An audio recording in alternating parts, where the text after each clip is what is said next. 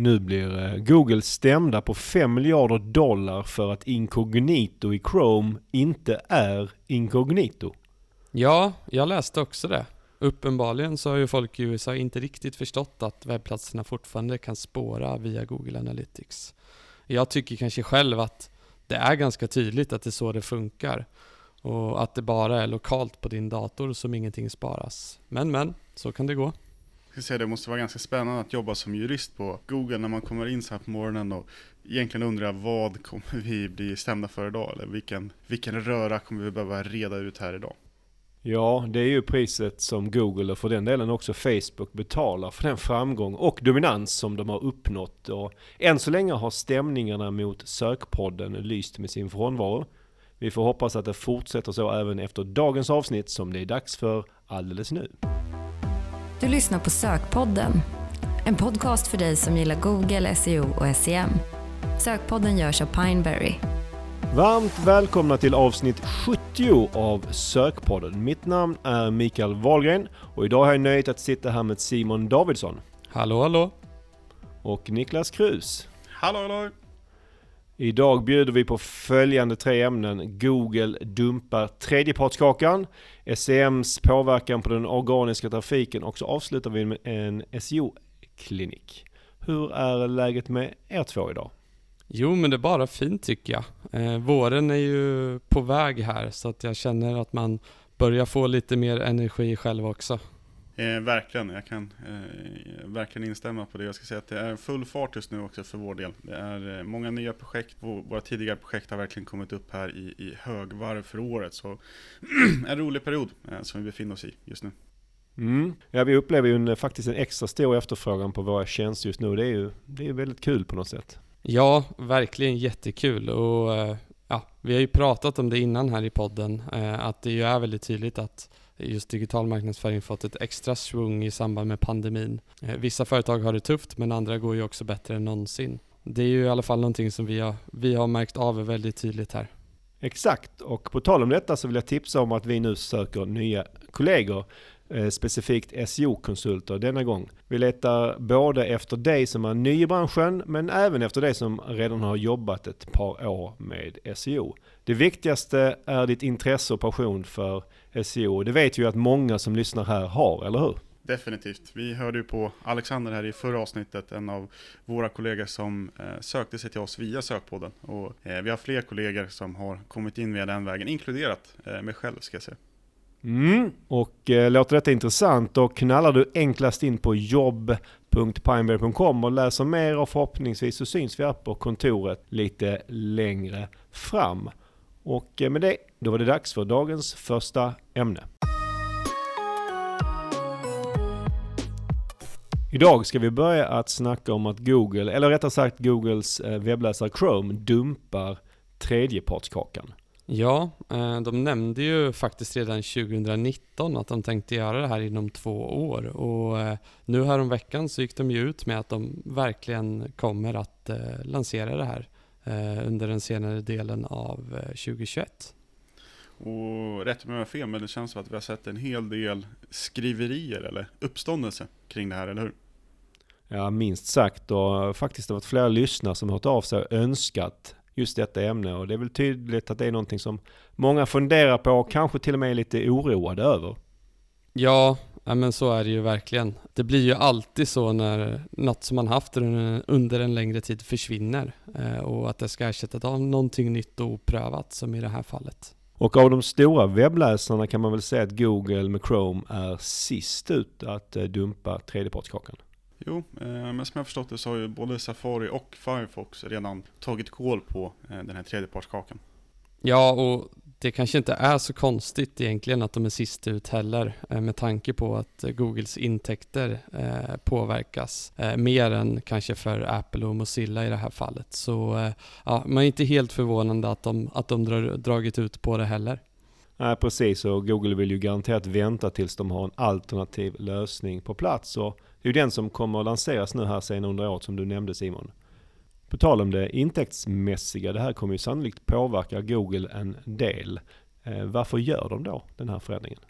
Eh, definitivt, det kommer det absolut göra. Och grunden i det bygger på integritet och det finns ju en, generellt sett en stor önskan i samhället just nu och det, debatten kring integritet är ju eh, aldrig varit så stor som den är just nu och jag tror någonstans att Google de hade inte kunnat bara strunta i det här utan eh, de vill ju såklart lyssna på användarna för det är ju användarna som är någonstans eh, kärnan i deras affär så att de måste anpassa sig helt enkelt efter vad, vad, vad folket vill. Mm, och det är ju bra ju. Och det som ska ersätta tredjepartskakan hos Google heter Flock. Vad är det för något? Ja, det är ju en förkortning för Federated Learning of Cohorts där kohort eh, är det viktiga ordet som ju betyder en grupp individer som har gemensamma kännetecken. Så helt enkelt eh, gruppera in individer. En stor skillnad, eller en viktig skillnad om vi jämför mot tredjepartskakan är ju att Flock inte sparar någon individuell information eller information på individbasis utan de grupperar ihop det här, eller Ja, men exakt. Eh, så det kommer ju fungera så att din browserdata i det här fallet då bara sparas lokalt Eh, och egentligen utifrån ditt surfbeteende så kommer du då delas in i en kohort kan man säga. Eh, och en sån grupp kommer ju ha tusentals av individer. Eh, och anledningen till att det är så många är ju att man vill undvika då vad man kallar för fingerprinting. Och när webbläsaren sen pratar med andra system, exempelvis då Google Ads, så kommer den bara att berätta id på den kohort som du just då tillhör. Eh, och det man måste lägga till här är ju då att man kommer ju tillhöra olika eh, och Google kommer ju att justera det här på vad vi förstår som veckobasis. Så varje vecka så kommer man delas in i nya kohort baserat på egentligen din surfhistorik då. Det låter ju ganska bra på pappret, men hur väl tror ni att detta kommer fungera? Eh, million dollar question. Det återstår att se som med alla förändringar Google gör. Tittar man på den informationen Google går ut med däremot så säger de att det kommer fungera i vissa fall upp till 95% lika bra som att använda tredjepartskakor. Och det här gäller kanske framförallt när de pratar om målgruppstyperna eh, med köpavsikt och eh, målgruppstypen intressegrupp. Mm, och här är det väl på sin plats att nämna att denna förändring inte nämnvärt kanske påverkar Googles egna plattformar såsom Google Sök och eh, YouTube. Nej, precis. Eh, det man ska komma ihåg är att Google använder ju eh, väldigt mycket förstapartskakor för att hantera sin egen eh, effekt på plattformen. Så att, nej, så kommer det definitivt vara. För så, så här är det ju sannolikt, även om 95% är en hög siffra så har jag svårt att se att Google skulle göra en lösning som riskerar att drabba 5% av deras eh, totala intäkter. Ja, men så är det ju verkligen. Eh, och tar vi Eh, Google Ads så är det ju en väldigt liten del då utav intäkterna som använder just den här tredjepartsdatan som vi varit inne på. Eh, och om vi tar Google sök som exempel så är ju beroendet utav kakor i sig väldigt litet. Eh, så själva sökningen är ju det som är det absolut viktigaste och det har ju egentligen inget med kakorna alls att göra. Så alla är med på det. Eh, och i de fall som man faktiskt använder målgruppsdata i sök så är det ju främst eh, men förstapartsdatan. Eh, exempelvis att Google vet om ens ålder och kön eh, för att man är registrerad och inloggad på Google. Sen vet jag ju att många annonsörer funderar kring hur stor påverkan kommer detta ha då på deras annonsering. Och så jag försökte på mig en lite förenklad eh, uträkning och jag ska se om, om ni tycker om den. Det jag antar då är att det är ungefär 5% av en annonsörs budget som påverkas om vi då tänker strikt Google Ads. Är det ett rimligt antagande? Ja, men det skulle jag nog säga om man nu ska försöka sig på något genomsnitt. Eh, det är ju såklart väldigt beroende på vem annonsören är, men ska vi försöka oss på någon typ av genomsnitt så, så kan det nog vara rimligt, kanske till och med lite högt. För det är ju så att om man tar bort annonseringen som görs på Googles egna plattformar, som sök, YouTube, Gmail, annonsering och så vidare, eh, så är det ju ofta budgetmässigt inte så mycket kvar, även om det såklart då skiljer eh, mellan annonsörerna. För om, om vi antar att det är 5% av spenden som påverkas och eh, Googles tester visade ju att det var 95% så bra. Och vi då antar att det som då man tappar 5% på i performance, man gör det på allt som blir försämrat. Då är det ju 5% av 5% som man kan säga förenklat är påverkan och då blir det ju 0,25% påverkan totalt sett på ett, något form av genomsnittligt eh, Google Ads-konto. Och ska säga, stämmer de siffrorna, de exemplen så börjar vi komma ner på en nivå då det knappt är liksom märkbart för i alla fall de flesta annonsörer. Mm. Ja men så, så är det absolut. Okej, men då har vi konstaterat att detta, detta sannolikt inte kommer att vara så ett jättestort negativt slag för varken Google eller annonsörer. Men kommer det finnas några förlorare på den här förändringen?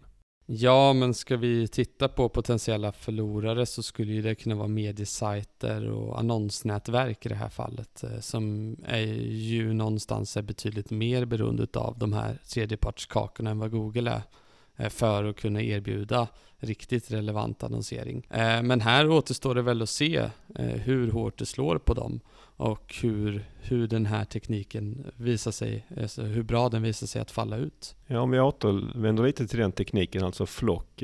Är det en teknik som kommer att bli standard eller kommer det bara vara Chrome som använder sig av den? Nej men vad vi vet hittills så är det ju bara Chrome just nu. Eh, så det återstår väl att se om det är fler som ja, men kommer att hoppa på den tekniken eller som får hoppa på den tekniken. Verkligen. Och tittar vi, eh, vi kan jämföra med de här iOS 14-problematiken som har diskuterats en hel del, som vi pratade om i avsnitt 68 här på sökpodden. Där har ju Facebook byggt en egen motsvarande teknik som heter eh, AEM eller Aggregated Event Measurement. Så även om vi inte tacklar exakt samma sak så finns det ju tekniker som utvecklas inom det här området just nu. Det är väldigt hett just nu. Ja, och tank, med tanke på den, det ställningskrig som ändå verkar pågå mellan Apple, Google och Facebook så känns det väl kanske som att det är lägst odds på att man inte kommer enas om en gemensam teknik som ska då ersätta tredjepartskakorna. Det är en av sakerna vi kan vara säkra på eh, i det här ska jag säga. Exakt. En typ av annonsering som ofta lyfts som ett område som kommer påverkas av remarketing, eh, stämmer det? Ja, om vi tänker oss då eh, display remarketing på Google eh, så sker ju ofta den på tredjepartssajter och då kommer ju de att påverkas och eventuellt bli lite sämre. Eh, samtidigt så är det ju som sagt relativt liten del av de här Google Ads-budgetarna som hamnar där. Hur är det med retargeting på Facebook? Kommer detta på något sätt påverkas av detta? Eh, förmodligen. Facebook själva flaggar för att det kommer vara en viss påverkan. Eh, de har nog inte gått ut med några siffror vad jag har sett än, än så länge. Eh, men det, det lär ska komma. Det man också ska komma ihåg är att informationen kring de här grejerna, kring de här förändringarna är väldigt luddig just nu. Och det känns som att informationen uppdateras löpande, typ dag efter dag. Allt eftersom tiden går här så får vi nya direktiv att, att, att luta oss mot helt enkelt. Ja, men verkligen. Det kommer nyheter hela tiden och som en liten parentes så kan jag väl också nämna att Google vid sidan av Flock jobbar på en lösning för just remarketing eh, som då går under namnet Turtle Dove. Och hur funkar den här turturduvan? Ja, eh, den eh, finns ju inte live än, eh, men det snackas om att det ska börja testas under året även där. Och förenklat så är det väl tänkt att fungera som så att webbläsaren lokalt sparar eh, vad individen är intresserad av och att annonsören kan annonsera mot de intressena. Eh, men inte utifrån att den enskilde individen besökt specifika webbsidor som, utifrån hur det fungerar idag då, utan det blir ju en skillnad där. Mm. Och nu är det ju så att Chrome har ju inte dödat tredjepartskakan ännu, utan det komma skall. Eh, kan man förbereda sig på detta på något sätt? Ja, men absolut. Man kan ju börja fundera igenom hur man själv påverkas som annonsör, vilka delar som påverkas. Att man även har, är förberedd på när det händer. Sen ska man komma ihåg att värdet av användardata, mer specifikt förstapartsdata, blir ju viktigare och viktigare. Eh, även om vi bortser från Google, om vi tittar på andra kanaler så kommer det vara viktigt även där. Eh, så om man kanske inte idag har ett bra sätt att samla in förstapartsdata, typ e-mailadresser, eh, ja, då bör man kanske eh, ta sig en ordentlig funderare på hur ska vi jobba för att få in den här informationen. För den kommer att vara mer värdefull än någonsin framöver. Och där tror jag du är inne på något väldigt intressant Niklas, för det är någonting jag kan uppleva generellt sett att man kanske inte är så bra på idag. Eh, att hitta kreativa sätt att, att, att berika sin egen förstapartsdata som annonsör. Eh, så att jag tror verkligen det kommer vara en, en nyckel framöver också. Ja, och det man kanske verkligen ska understryka det är att när man gör det till exempel har ett bra sätt för att få in e-mailadresser oavsett om det är via nyhetsbrev eller att man ordnar, anordnar webbinars eller man eh, har kundklubbar eller vad det nu är man gör så är det ju ett enormt bra sätt att bygga värde för sitt bolag. För du, du får en tillgång som annars kanske ligger hos Facebook eller hos Google. Men nu har du kontroll och äger den tillgången. Ja, verkligen. Verkligen, tittar vi liksom tio år tillbaka, men då var ju typ e-mailadresser det mest värdefulla man eh, jobbade efter. Och det har typ dött av lite grann. Eh, nu skulle jag säga att det är på väg uppåt igen. Och nu, även en, en annan intressant möjlighet är ju i, eh, telefonnummer. Eh, det är någonting jag tror kommer eh, öka eh, ganska mycket här på eh, närmsta åren.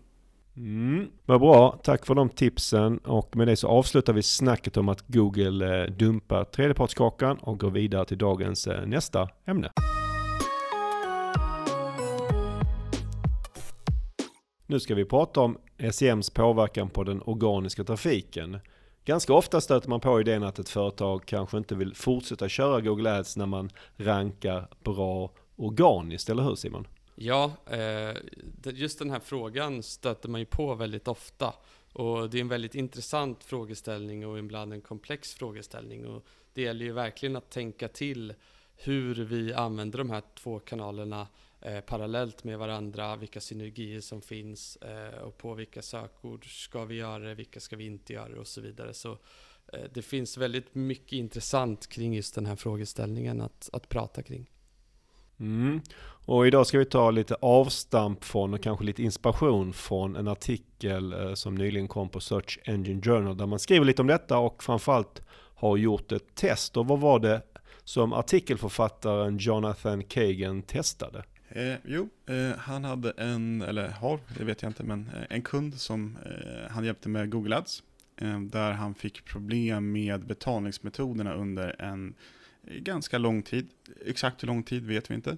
Men det blev med andra ord ett ofrivilligt och kanske perfekt test på vad som händer just när man tar bort den betalda delen eller vad händer med den organiska delen när vi tar bort den betalda delen. Och det ska tilläggas även här att större delen av trafiken och konverteringarna både för organiskt och för betalt sök var just brandsökord. Vilket kanske gör det här till ett ännu mer perfekt test om man får uttrycka sig så.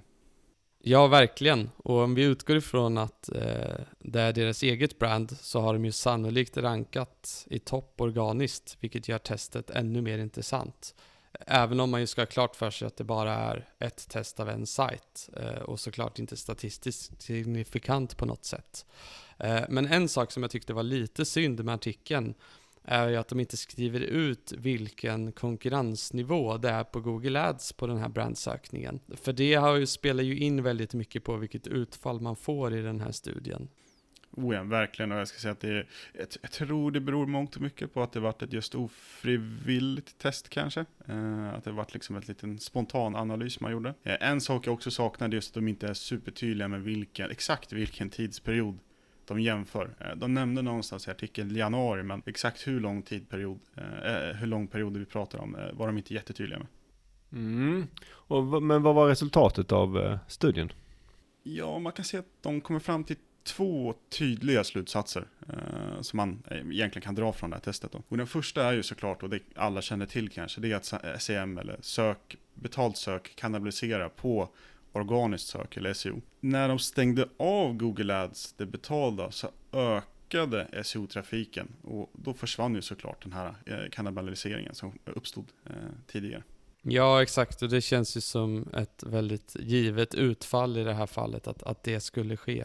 Eh, det hade ju kanske snarare varit konstigt om det inte hade hänt. Just den här kannibaliseringseffekten gjorde själv ett, ja, kallade perfekt test på för, för något år sedan. Det var då vi körde igång DSA för sökmotorkonsult.se och då hade vi inte kört eh, Google Ads alls på den sajten men den hade väldigt mycket organisk trafik. Det är ju väldigt intressant. Hur eh, gick det med det testet? Ja, jag, jag, tror att jag tidigare har nämnt eh, det här DSA på sökmotorkonsult som ett bra exempel på man, när man just kan använda DSA för att köpa många och billiga relevanta klick. Men samtidigt så såg vi såklart en kannibalisering på den organiska trafiken.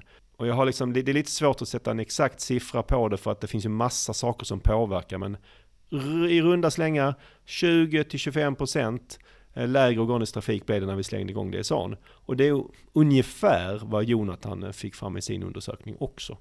Precis. Och den andra slutsatsen är att det organiska inte tar igen all den trafiken som försvinner, eller all det resultatet som försvinner när man tar bort SEM eller betalt sök. För om vi tittar på, eller i den här artikeln så eh, den totala trafiken och försäljningen från sök minskade betydligt när man stängde av eh, det köpta. Och skillnaden var ungefär 30-40% i det här testet. Så eh, ganska hög siffra. Då.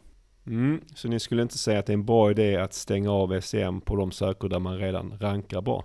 Nej, eh, inte enligt undersökningen och heller inte utifrån min, min inställning till det här ämnet eller min erfarenhet. Eh, jag brukar ofta prata om annonsresultatet som ett skyltfönster där det gäller att ta upp så mycket plats som möjligt om man har någonting som är väldigt lönsamt och viktigt för en. Med både SEO och SEM så får man ju som sagt då dubbla möjligheter att vinna det här klicket. Eh, för vi vet ju att alla inte kommer klicka på en annons eller på det organiska Eh, och då vill man ju eh, finnas där och, och fånga upp båda. Och, och, det man också gör är att man stänger ju ute eh, möjligheten för sina konkurrenter att synas. Och det, det är ju faktiskt en viktig parentes där. Verkligen. Eh, nej, jag skulle heller säga, inte säga att det är någon bra idé att stänga av det. Eh, det finns ju såklart fall där man kanske borde överväga det. Men att det liksom är en röd tråd eller ett direkt svar att man ska stänga av det, nej absolut inte. Eh, det tycker jag datan talar väldigt tydligt för att man inte ska göra.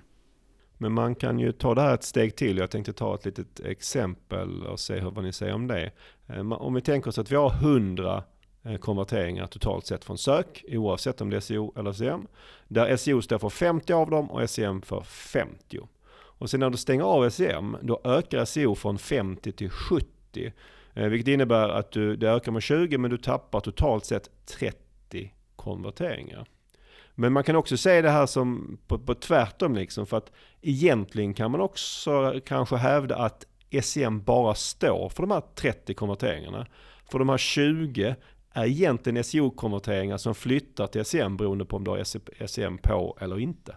Ja, exakt. Eh, och det är här det börjar bli lite intressant och lite mer komplext. För man skulle ju kunna se det som att kostnaden av SEM då ska bäras av de 30 konverteringarna som man får extra och inte de 50. Eh, och det här gör ju att man kanske ska se över sin lönsamhetskalkyl för SEM eh, och faktiskt titta lite på det på ett, utifrån ett annat perspektiv potentiellt. Samtidigt så är det ju också bra att vara medveten om att Eh, utan annonseringen så kommer man ju tappa de här 30 konverteringarna.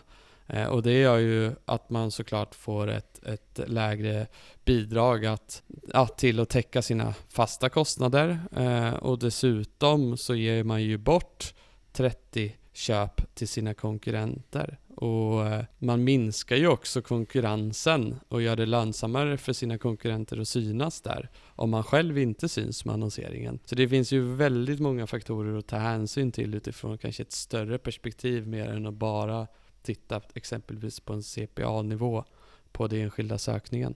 Kan inte mer än instämma och nu är vi väldigt mikrofokuserade om vi tar ett ännu större perspektiv och tittar ur ett makroperspektiv så är det ju förmodligen väldigt troligt att du har jobbat med den här köpresan i någon annan kanal eller lagt budget på att driva den här köpresan tidigare. Med det sagt, du är liksom inte nollställd när du kommer in och ska värdera de här 30 konverteringarna som vi potentiellt kan få via SEM, utan förmodligen har du redan gjort en investering i form av brand eller jobbat tidigt i köpresan. En kostnad som man ska ta i beaktning när man räknar på värdet av de här sista 30.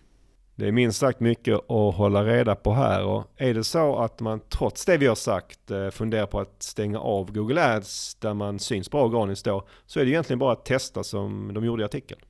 Ja, alltså testa kan man ju alltid göra men eh, jag skulle säga att det, det, är ju kanske en lite läskig sak att testa i det här fallet. Eh, så det är kanske inte gärna så att man frivilligt stänger av Eh, ett välfungerande Google Ads-konto eller att man pausar sina bäst presterande sökord på Google Ads. Ja, man får verkligen tänka till där och, och kanske ha, titta lite på eh, vilken del av kontot eh, skulle vi i sådana fall göra ett test på eh, för att det inte skulle innebära en för stor risk.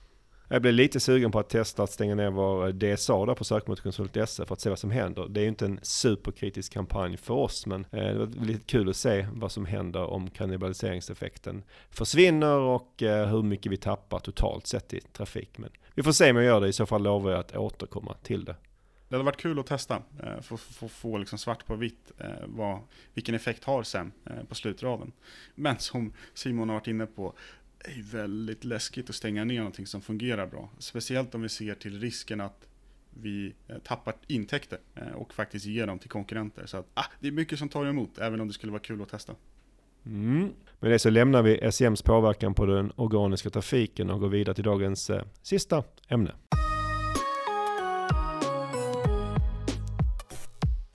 Precis som i förra avsnittet ska vi idag göra en SEO-klinik, den åttonde i ordningen för Sökpodden. Kul! Jag, jag ska säga att SEO Clinics är nog en av mina favoritämnen. Jag ska säga en av mina favoritsysslor eh, överlag när det kommer till digital marknadsföring. Det blir lite, lite skattjakt, man går runt och med, med lykta och letar eh, vad det kan vara eh, som är fel. Så eh, riktigt roligt. Kul att vi har det som ämne igen. Ja, jag håller med Niklas, det är väldigt roligt att göra och jag vet att det är en favorit bland er lyssnare också. Och eh, när vi frågade efter er lyssnares sajter att göra clinics på så fick vi in så pass många förslag. Så jag nämnde ju eh, i förra avsnittet att vi skulle göra en klinik igen, snart igen och det är ju det vi gör här och nu. Normalt så brukar vi ju börja prata om hur vi gör en klinik, men idag tänkte jag att vi kanske hoppar över det för att inte upprepa oss allt för mycket. Så lyssna gärna på förra avsnittet eh, först om det här är din första klinik. Eh, jag tror de flesta som eh, lyssnar nu har nog hört en sån här klinik innan, så de har nog koll på vad vi tittar efter. Så att, absolut. Vad är det för sajter vi ska kolla på idag? Ja, vi har ju plockat ut tre sajter och jag tycker vi fått en väldigt bra mix av sajter idag. Eh, vi har ju dels en e-handel som vi tänkt titta på och sen så har vi ett tjänsteföretag som jobbar B2B och en tjänstesajt som jobbar B2C. Så en bra blandning helt enkelt. Mm, det, är ju, det låter ju helt perfekt och tusen tack till alla er som hört av sig om att ni ville vara med och till er tre som är med idag. Vi kommer ju som vanligt lyfta en del problem och möjligheter med era sajter eller skatter som Niklas sa. Men glöm inte att ni så självklart gör mycket bra redan idag som vi då inte kanske hinner med att ta upp och dessutom så är det här en form av mini SEO-analys och vi har ju inte hittat allt som går att hitta på era sajter. Vilken eh, sajt börjar vi med?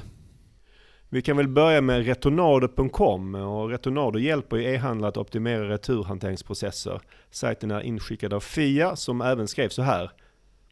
Jag vet att vi har en del problem samt att sidan är lite innehållsfattig, men den är work in progress så det vore superkul att få den analyserad. Så är det ju för nästan all, alla sajter. Det är alltid en work in progress i någon form. Eh, och man blir ju aldrig riktigt klar, vilket kanske är lite av charmen också. Så det är ju inget konstigt alls i det här fallet. Nej, precis. Och när jag kollar på en sajt i en klinik, eller rent allmänt för den delen, så börjar jag nästan alltid i Sistrix och kollar in Visibility Index. Eh, hur, hur gör du Niklas? Nej, men jag gör nog typ samma då. Eh, jag, jag kanske eller, ofta så brukar jag dra igång spindeln eller crawlern eh, direkt så att den bara får tugga igång eh, i och med att det tar, eh, om det är en större sajt, tar en stund i regel att spindla av den. Eh, men annars Sistrix och Visibility Index är ett rätt bra mått när man börjar att göra den här analysen. Bara för att få en känsla var befinner de sig just nu någonstans. Mm. Och i Visibility Index ser man då att retornader, eh, att synligheten är, är, är låg, eh, väldigt låg skulle jag till och med kunna säga. Och det hänger ju såklart ihop med att sajten är relativt ny och samtidigt också att det inte finns, det är ett segment där det inte, än så länge i alla fall kanske, finns några enorma sökvolymer. Ja, och ytterligare en faktor är ju den eh, Fia nämnde själv där, att det inte finns så mycket sidor idag på sajten, eller så mycket innehåll heller för den delen. Mm, exakt, och innan vi börjar komma in på vad vi ser på sajten ska jag nämna att sajten finns på flera olika språk, men att vi främst har kollat på den svenska varianten av sajten. Men mycket av det vi har hittat gäller ju såklart eh, alla språk. Som jag nämnde är detta säkert ett segment där man får kanske anstränga sig lite extra för att hitta bra sökord. Och om man ser på sajten så upplever jag att man kanske inte tänkt så mycket kring sökord och sökbeteende. Jag har två exempel på detta. För det första så har de en sida eh, som är en guide med, som har relativt mycket innehåll, alltså bra med innehåll skulle jag säga. Ja, och guider gillar ju vi generellt sett. Det tillför ju mycket innehåll, men det kan ju också bli eh, tillför en komplexitet till sajten i vart man placerar den och, och hur den går ihop med övriga delar. Ja, och i, i, det, i det här fallet så är utmaningen att man inte riktigt kanske har försökt rikta guiden mot ett tydligt sökbeteende. Förenklat kan man säga att de idag optimerar just den sidan för sökning i returguiden, vilket är deras namn på guiden. Men där är ju i princip ingen som söker på just det. Det andra exemplet är deras produktsidor, eller snarare kanske avsaknaden av dem. De har en sida som heter produkter, där de presenterar sina fem olika produkter. Men dessa fem produkter har liksom inga egna sidor. Produktsidor för den här typen av sajter brukar oftast vara väldigt, väldigt viktigt ur ett SEO-perspektiv. Och hittar man eh, eh, i den bemärkelsen om det finns ett sökbeteende för dem, ska tilläggas. Då. Sen ska man också komma ihåg att produktsök i regel kanske har ett större värde än det generella söket, eh, om man tittar brett. Just för att här kommer sökningen ganska långt ner i köpresan. Här vet personen specifikt vilken produkt man är intresserad utav. Och det värdet, eller den delen i köpresan vill man definitivt vara synlig. Mm. Och tittar man på vår egen sajt här, pineberry.com, som ju också är B2B, så är ju våra absolut viktigaste sidor våra produktsidor eller tjänstesidor beroende på hur man ser på det. Och det är ju de sidorna där vi beskriver vårt erbjudande inom sig SEO, Google Ads, Facebook Ads och så vidare. Och så vidare. Och det är som sagt väldigt viktiga sidor och de här finns då inte på retornado.com. Så det är ju en möjlighet man har att lägga sig till med den typen av sidor. Verkligen, och man har gjort som en pufftext på den här produktsidan. Så att det var bygg vidare på den informationen men skapa egna sidor för eh, de här tjänsterna. Ett annat bra tips är ju när det är svårt att hitta det här supertydliga sökbeteendet runt primära sökord så kan det vara bra att jobba med eh, bloggar till exempel eh, för att täcka in eller att fånga upp de här sökorden. Hur ser det ut för dem? Jobbar de med eh, blogginlägg idag? Ja, de har en form av en nyhetsdel och där har de börjat blogga eller skriva om saker och ting nu under 2021 ser man. Och det vill jag verkligen uppmuntra dem att kämpa vidare med för det är verkligen ett um, long game. Ja, verkligen. Det kommer ju ge resultat på sikt om, om man är ihärdig och hänger i. Eh, och där kan vi väl kanske jämföra lite med vår egen blogg som vi har, eh, sökmotorkonsult.se. Där har vi väl bloggat i värre lite över 13 år eh, och jag tror att vi har skrivit ja, lite mer än tusen artiklar eh, kring nyheter och eh, tips på vad som händer i branschen. Eh, och det har ju något som vi har sett väldigt bra effekt av. Ja, och det är ju inte så att man måste vänta i 13 år för att skörda frukterna. Men det gäller att eh, eh, orka hålla i här, för det, är ju, det tar ju lite energi att blogga och om man inte då ser omedelbara effekter så finns det en risk att man kanske slutar. Men det här är någonting jag tycker de verkligen ska fortsätta med. Och det är såklart viktigt att man försöker utgå från sökbeteenden när man väljer de här olika ämnena att eh, skriva om. Ett annat tips när man just pratar om blogginlägg också, är att komma ihåg ämnet man pratar om, eller skriver om. Eh, pratar man om en nyhet som är superaktuell här och nu, ja, då kan man förmodligen se kort, jag ska säga ganska kortsiktiga, kortsiktiga vinster på när det kommer till trafiken. Någonting vi, jag vet vi ibland tänker på när vi skriver försök på ett konsult är just hur länge kan det här materialet vara aktuellt? Pratar vi 404 till exempel, ja, men det är ett ämne, det är ett inlägg som vi vet kan leva vidare i många, många år efteråt till skillnad om vi skulle skriva ett inlägg om eh, nya protokoll som kommer till cookies till exempel. Så att fundera också, eller ta, tänk en gång till när ni skriver om de här ämnena. Är det någonting vi kommer kunna använda flera år framöver, så att säga? Ja, och att utgå ifrån sökbeteendet någonstans, det är ju viktigt utifrån flera aspekter också, och inte bara rent SEO-mässigt, för att det handlar ju någonstans om att skapa en relation till, till sin målgrupp och skriva om sånt som man vet att de är intresserade av. Och sökbeteendet blir ju faktiskt ett sätt att, att göra det på ett relevant sätt. Men eh, hur ser det ut med länkar till sajten då? Vad har vi sett där? Alltså jag hade ju väntat mig att det skulle vara ganska få, men det var ändå 60 länkande domäner, så det var lite mer än jag trodde. Det, oj, det var mycket mer än vad jag trodde. För att vara en så pass ny och förhållandevis liten sajt så måste jag säga att 60 länkade domäner är, är eh, bra. Ja, och när man kollar på vilka länkar de har så kommer ganska många från internationellt, där de har till exempel blivit omskrivna i egenskap av techbolag. Och det är ju en bra start på sin länkkarriär så att säga.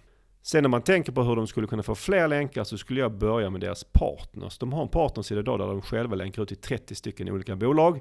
Det är säkerligen bolag som är tacksamma för den här länken. Eh, och det är ju partners de jobbar med i form av olika integrationer och liknande. Och vad jag kan se när jag kollar av det lite snabbt så är det inga av de här 30 som eh, länkar tillbaka. Så här finns det ju sannolikt en del. Du kommer nog inte få länkar från alla 30, men några av dem kan du säkert få en, eh, en länk ifrån. Ja, här är ju stor potential verkligen. Oh ja, definitivt. Det man ska komma ihåg kanske att det blir ju i och för sig reciproka eh, länkar. Ja, och det är ju inte lika bra som om partnern bara skulle länka till dem. Men jag tar ju mycket hellre en relevant reciprok länk än ingen alls. Så och i det här fallet så är det ju partnersajter som har, i många fall är väldigt starka sajter som har funnits mycket längre än de själva. Så det är ju liksom en, ändå en fördel skulle jag säga för dem. Ett sista tips där när vi pratar om, om just det. Eh, jag såg när vi kollade runt här lite grann att de omnämns ju en hel del pressmeddelanden. In, alla gånger så fanns det tyvärr inte en länk från det här pressmeddelandet in till sajten. Eh, I den, samma artikel så nämns andra aktörer som dock eh, får länka till sig. Så att här kan det vara bra att tänka på det när man gör de här utskicken. Se till så att ni länkar till tillbaka till er sajt. För att det, med stor sannolikhet så kommer den här texten spridas vidare online och då är det tacksamt om det finns länkat till det eh, i den så att säga. Mm. Och med det så lämnar vi Retronado och går vidare till eh, nästa sajt. Och eh, det är sajten ställningsprodukter.se som är en e-handel som säljer ställningar och andra byggrelaterade produkter. Den är inskickad av Emil. Tack för det Emil. Och hur ser det ut med synligheten här Niklas? Nej men precis som för Retornado så är den Eh, relativt låg. Jag tror i mångt och mycket samma sak här, att det beror på att det är en relativt ny sajt. Eh, man brukar se ganska låga eh, poäng här när det är nya sajter. Samtidigt, om vi tittar på trenden så ser vi att utvecklingen kring synligheten sakta men säkert går uppåt. Så att någonting gör de ju bra när de, när de jobbar med SEO då. Men det kan som sagt ta lite tid när man jobbar med det, så det är viktigt att ha med sig tålamod. Ska säga. Det är nog den, den viktigaste egenskapen hos en SEO. Mm, vi kom ju fram till att eh, just sökorden var lite kluriga för retornader. Hur, eh, hur, hur är det i det här fallet? Som nästan för alla e-handlare så, så, är de ju eh, givna eller viktiga att jobba med. För just den här specifika sajten så tycker jag att de täcker in det rätt bra med sina kategorier och kanske framförallt sina underkategorier. Om något så kanske man skulle kunna säga att de har gjort det för bra. Här har man kanske inte prioriterat in internlänkningen eh, så optimalt som man skulle vilja göra. Eh, om man tittar på i menystrukturen så länkar man till ganska udda produkter samtidigt som man länkar till sin absolut viktigaste produkt. Och här någonstans så vill man ju förmodligen kanske premiera eller prioritera länkkraften till de absolut viktigaste sökorden, det som driver mest trafik eller det som genererar mest intäkter. Jag håller med om det Niklas, men det är ju ändå en bra start att de har sidor som täcker in eh, en väldigt stor del av det sannolika sökbeteendet som finns. Oh ja. Så det, det, det, är en bra eh, eh, början. Sen har vi kollat lite på det innehållsmässiga. Hur ser det ut där? Ja, eh, men om vi börjar med att titta på titlarna eh, så kan vi se att de har en hel del duplicerade titlar och det beror på lite olika saker, eh, vad vi kan se. Eh, ett väldigt tydligt exempel är att de har eh, olika vad ska jag säga, färgvarianter utav en produkt och de här olika färgvarianterna eh, läggs på egna urlar och de här urlarna får eh, i regel samma titlar, vilket gör att man får extremt mycket duplicerat innehåll eller duplicerade titlar. Ja, och det här är ju tyvärr eh, relativt vanligt att vi ser den här typen av problematik. Men eh, hur skulle du säga Niklas att man löser det här på bästa sätt? hade inte önskat att det fanns ett svar för alla här, men eh, återigen sökvolym. Som vi säger så här, det första man ska fundera kring, bör de här eh, produkterna ha egna URLer? Någonstans handlar det om att vi vill bygga ut en sajtstruktur eller skapa en unik URL där det finns ett sökbeteende. Och finns det liksom inte sökvolymer kring färg plus bygghjälp Uh, bygghjälm så kanske det inte är där jag skulle ha lagt tiden på att bygga ut innehåll eller att skapa flera sidor för. Eh, för det man ska komma ihåg är att vi vill ju ha unika texter, så att bygger vi ut liksom röd bygghjälm, blå bygghjälm och så vidare så vill vi ha unika texter för varje sida. Och förmodligen, nu gissar jag, men förmodligen kommer det inte vara värt för den här specifika aktören, utan här handlar det snarare om att man vill bunta ihop det till en och samma sida Eh, jag ska säga, de har även en annan ganska vanlig dupliceringsproblematik jag skulle vilja lyfta. De har en produkt som finns i flera olika kategorier. Och det här är ett jättevanligt problem, eh, ska jag säga, hos eh, många e-handlare. Det vill säga att samma produkt har flera unika URLer. Och samma sak här, det blir duplicerat innehåll, samma produkt finns på flera ställen. Så det är absolut en, en utmaning för dem. Ja, och som du säger, det här är ju också någonting som vi stöter på ganska ofta. Men hur tycker du att man har hanterat det i det här fallet? Så hur de här specifikt löste det, är att de har jobbat med Canonicals och de pekar en Canonical till moderkategorin eller modersidan. Krasst man säger till Google att det här är originalsidan, det här originalinnehållet finns med hjälp av de här Canonicalsarna så att säga. Och det är en bra lösning givet situationen. Eh, jag ska säga att det kan vara stundvis ganska eh, mäckigt och krångligt att jobba med Canonicals men eh, det är väldigt tacksamt i de här fallen. Men såklart, det bästa är såklart om man inte skapar duplicerade eh, sidor från första början. Mm. Det är ju väldigt vanligt att de flesta e-handelsplattformar gör så att när man lägger en produkt i så att säga, eh, kategori 2, 3 och så vidare så blir det en ny URL och då får man det här problemet. Så det kan ju vara lite eh, kämpigt för e-handlarna att lösa det och då är ju Canonicals en, en enkel lösning. Men som du är inne på Niklas, det bästa är om man inte hamnar i den situationen. Och de lösningar som jag har sett som jag gillar är ju det att man att det är så att eh, produkten behåller moder-URLen även när man flyttar den till någon annan kategori. För att jag förstår ju varför man vill kunna ha en produkt i flera kategorier. Men varför måste URLen ändra sig? Det är ju en lösning. En annan lösning är att man inte har med själva kategoriträdet i URLen. Och då får, slipper du också den här problematiken. För det är ju när eh, man lägger till olika kategorier i URLen som de blir olika och, och det, det då skapas en duplicering. Verkligen. Jag ska säga det sistnämnda är ju väldigt tacksamt och det ser man på jag ska säga, större e-handlare som har många kategorier under kategorier. Att man tenderar att lägga de här produkterna på fria urlar så att de inte hänvisar till någon eh, under eller över kategori. Mm. Hur är det förresten med brödtext på kategorisidorna? Det är ju en väldigt viktig grej för e-handlare. Eh, men jag tycker det ser helt okej okay ut faktiskt. Eh, de har en hel del kategorisidor och underkategorier och på de här sidorna så har de i regel ganska mycket innehåll ändå. Framförallt relevant och unikt innehåll. Men här handlar det väl om att fortsätta jobba med det så att de säkerställer att alla de här underkategorierna, kategorierna får en sån här unik och relativt lång text eh, så att de kan ranka på. Och jag antar att eh, sajten inte har så många länkar till sig? Nej, eh, när vi kollade så hade de väl runt 30, nej förlåt 20-30 referring domains så det är inte, eh, det är inte jättemycket. Um, så det jag skulle ha börjat med att göra det är att börja fundera kring okay, vilka av mina leverantörer skulle jag kunna få till ett länksamarbete med? Vilka skulle jag kunna få eh, säkerställa att de länkar tillbaka till, eh, till oss så att säga. Men även kollat med eh, sina kunder. Här kan vi anta att det är ett segment, en vertikal där man jobbar med lite större kunder och kanske till och med så pass stora kunder att det blir ett formellt samarbete. Och i när man skapar sånt här formellt samarbete så är det inte helt omöjligt att man gör en nyhet utav det och i den här nyheten se till så att ni jobbar med länkar och kan samla ihop eller få in de här länkarna till er sajt. Ja, eh, och det jag funderar kring också här är ju att många av deras produkter relaterar ju till säkerhet och byggsäkerhet, det vill säga hur skapar vi ett säkert bygge? Och eh, det här är kanske någonting även som man skulle kunna använda i lite PR-syfte gentemot branschtidningar och så vidare. Att faktiskt kunna bidra med den typen av ja, men expertis eh, och på det sättet kunna skaffa sig länkar eh, via en PR-strategi. Så det kanske är någonting man också skulle kunna undersöka i det här fallet. Det borde de definitivt göra. Jag ska säga att PR och SEO är ju i regel en, en väldigt bra kombination. Jag tror definitivt att det hade funkat för de här. Definitivt. En annan liten detalj, eller eh, en stor detalj när jag kollade på deras länkar eh, som pekar in från andra domäner. Deras officiella domän är ju stallningsprodukter.se. Men de har ju även domänen ställningsprodukter.se, det vill säga med ä i URLen. De har även stallningsprodukter.com. Och det är ju ett bra sätt egentligen att säkra upp sin, sitt, sitt varumärke på så sätt att ha de viktigaste eh, domänerna. För eh, det är som domän där den här podden finns. Eh, domänen är ju sokmotorkonsult.se men vi har även sökmotorkonsult.se. Precis, och problemet här är att de har pekat om domänerna med en 302 istället för en 301. Så att om någon har av misstag länkat till ställningsprodukter med ä.se eh, eh, så går ju länkkraften förlorad just för att de jobbar med 302 istället för 301.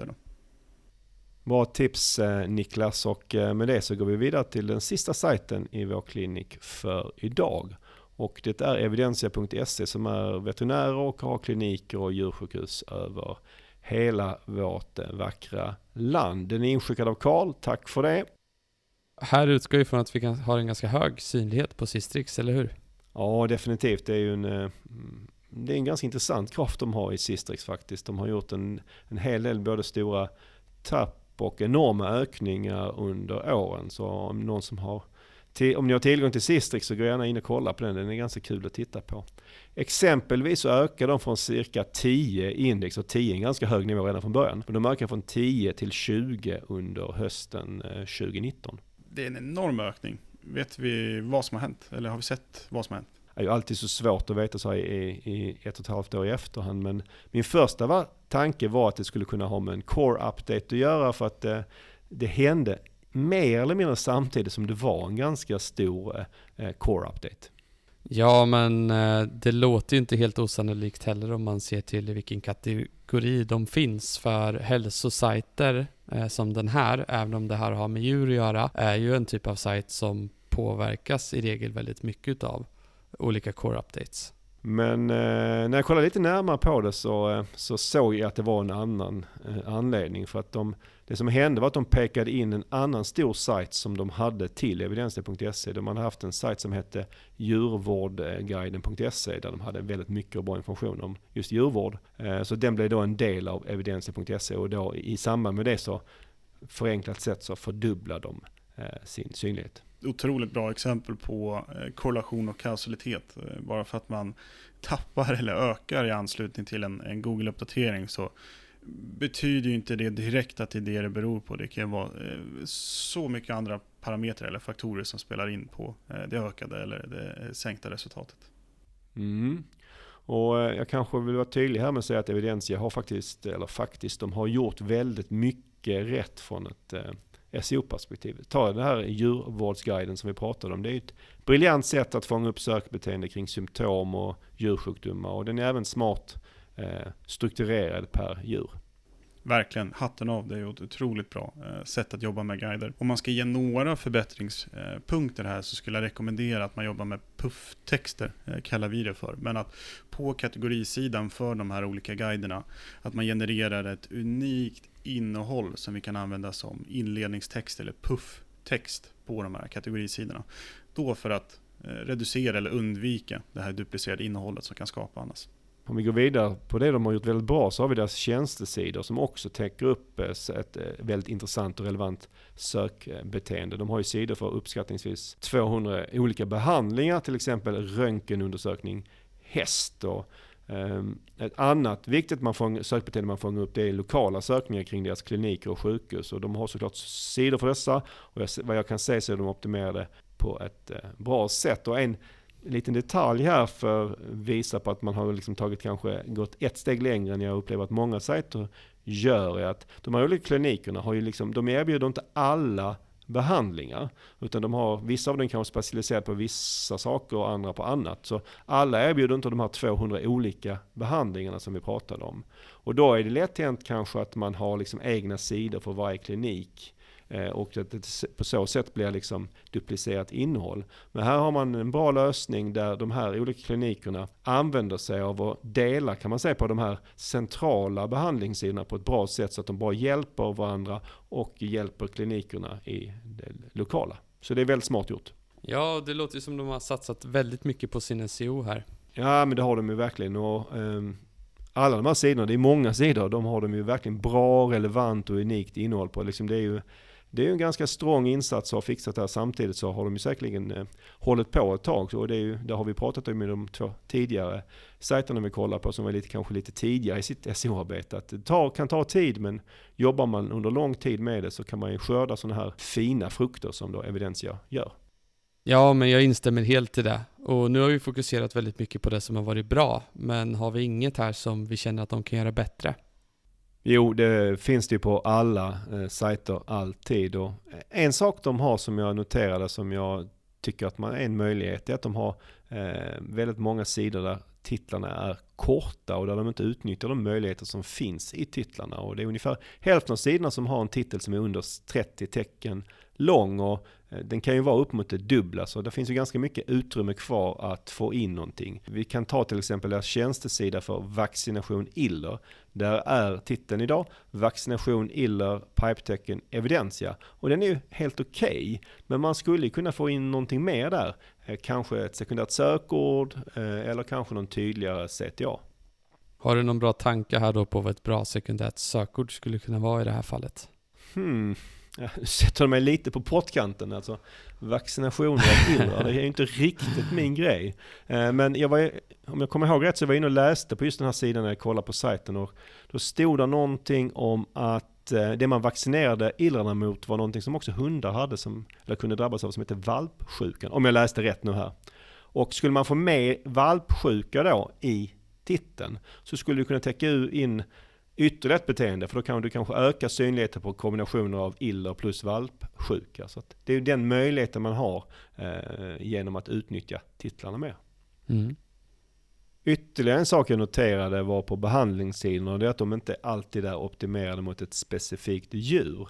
Ta sidan för astmabehandling som främst är optimerad för just det. Och de som googlar, om jag får gissa, efter astmabehandling, de är sannolikt ute efter hjälp för eh, människor. Sen fattar jag att det är klurigt om de erbjuder en behandling för många olika typer av, djur. Men om man skulle för exemplet skulle säga att de erbjuder det här för hundar och katter, då skulle man kunna tänka sig att de har en varsin sida för det här, eller kanske att man får in det på en eh, gemensam sida. Här ska jag, vill jag verkligen nämna att för vissa behandlingar gör de just så här. Till exempel vaccination som jag precis nämnde, där har de en sida för vaccination hund, en för vaccination katt, vaccination iller, vaccination kanin och så vidare. Verkligen. Jag tycker du slår huvudet på spiken där och värt att nämna även för just astmabehandling. Jag var inne och tittade på de sidorna. De behandlingarna verkar primärt vara just riktade till katter. Så ett ännu tydligare exempel varför djuret i kombination med den här behandlingen blir så pass relevant att bygga ut sidor för helt enkelt. Men om vi tittar lite närmare på länkarna för den här sajten, hur ser det ut där? Ja, som eh, väntat kan jag nästan säga så ser det ganska bra ut och det är en stor sajt, den har funnits länge eh, och de har ju då ungefär 850 referring domains som måste ändå klassas som, som mycket. Och när det är den här typen av sajter som har funnits länge, har många eh, länkar, då är oftast det bästa sättet att få ny länkkraft att städa upp eh, bland de befintliga. De har ungefär 30 sidor på sajten som svarar med 404 som då har minst en extern länk till sig. Så genom att fixa några enkla 301 så kan man fixa faktiskt ungefär lika mycket länkkraft som ställningsprodukter.se totalt sett har idag för att då göra en jämförelse. Även om det såklart är lite att jämföra äpplen och päron men det är ändå ett bra sätt att visa på hur mycket länkkraft man kan fixa i det här fallet med väldigt lite insats. Ja, alltså pratar vi att, att, att 301 404 sida, det är alltså en extremt liten åtgärd vi gör. Det går så extremt fort att göra det. Och jag håller verkligen med dig. Tittar vi på större sajter så skulle jag säga att det här är ett relativt vanligt problem och någonting som varför beskriver också att SEO, att man aldrig blir klar med sin SEO. Det här är någonting som man löpande kommer få säkerställa att man inte har eh, på sin sajt. Vi har inte snackat någonting alls om eh, laddtid. Vad har vi sett där? Om vi kollar på alla de här tre sajterna eh, som jag har kollat på och specifikt kollar på startsidorna eh, för de här sajterna så kan vi få i, i tur och ordning eh, en poäng på 20, 71 och 55. Och vi har använt det här verktyget Page Speeds Insight och vi kollar på Mobile Score som ett mått Mm. Och här ska man väl säga att för att få en bättre eller riktigt mer rättvis bild så behöver man kolla på fler sidor på sajten. Eh, men det här ger i alla fall en fingervisning om var vi befinner oss för de här tre sajterna. Verkligen, och sen så ska man ju tillägga också att det finns ju flera sätt att jobba med eller mäta laddtider. Eh, idag, eller nu, fokuserar vi på just Page Speeds Insight. Och då tycker jag att en poäng på 71 som ställningsprodukter har är helt okej. Okay. Och tittar vi på 55 som Evidensia får så är det heller inte någonting eh, som är jättedåligt. Nej, nej men jag, jag håller med dig. Jag tycker inte heller det. Eh, jämförelsevis på vad man ändå ser på andra sajter så ja, får vi väl ändå säga att det ändå är hyfsat bra. Ja, men det skulle jag säga. Tittar man på den stora bulken där ute så skulle jag absolut säga att de här ligger lite grann i överkant. Däremot så finns det ju såklart förbättringsområden. Eh, och tittar man för Retronado som får en poäng på 20 eh, så skulle jag säga att det är kanske i det lägsta laget. Och här finns det ju förmodligen väldigt mycket saker som de kan göra för att snabba på just de här laddtiderna eh, som finns på sajten. Och de som lyssnar, ni som lyssnar på sökpodden, ni vet ju säkerligen många av det här redan, men i PageSpeed Insight så får man ju väldigt konkreta saker som man Eh, kan förbättra. Eh, och eh, det är bara in där och kolla och tycker man att det är lite för tekniskt, vilket många, inklusive mig själv, ibland tycker, så är det en bra sak att ta med de som utvecklar och bygger sajten. Och i Retornados fall ser det ut som att man till exempel genom att se över serverns svarstid och hur man hanterar bilder så kan man göra en del förhoppningsvis enkla vinster laddtidsmässigt. Verkligen, jag ska säga bilder brukar oftast vara Eh, om man inte har jobbat med bilder innan och komprimerar dem eh, och ser till så att de är små så brukar det oftast vara det Google eh, whinar på först eller klagar på först. Så att definitivt. Mm. Och med det så sätter vi stopp för denna klinik. Tack igen till ni som har skickat in era sajter. Vill du att vi kollar på din sajt i en framtida SEO-klinik? Ja, då är det bara att du hör av dig och då eh, med det så återstår bara att avrunda dagens avsnitt. Då är det dags att eh, stänga boken för avsnitt 70. Är det något speciellt ämne du vill att vi tar upp nästa gång, ja då hör du av dig till sokpodden at pineberry.com. Och är det så att du gillar sökpodden, eller ogillar för den delen, så hör av dig och berätta det. Det ger oss väldigt mycket energi, eh, lyssnarkontakten och det är någonting som vi uppskattar väldigt, väldigt mycket. Ja, verkligen. Jag håller med. Hör av er och berätta vad ni tycker. Det är alltid jättekul. Eller för den delen bara hör av er och säg hej. Mm. Tusen tack för att du har lyssnat idag. Ta hand om dig så hörs vi igen nästa månad. Stort tack för idag. Tack, tack.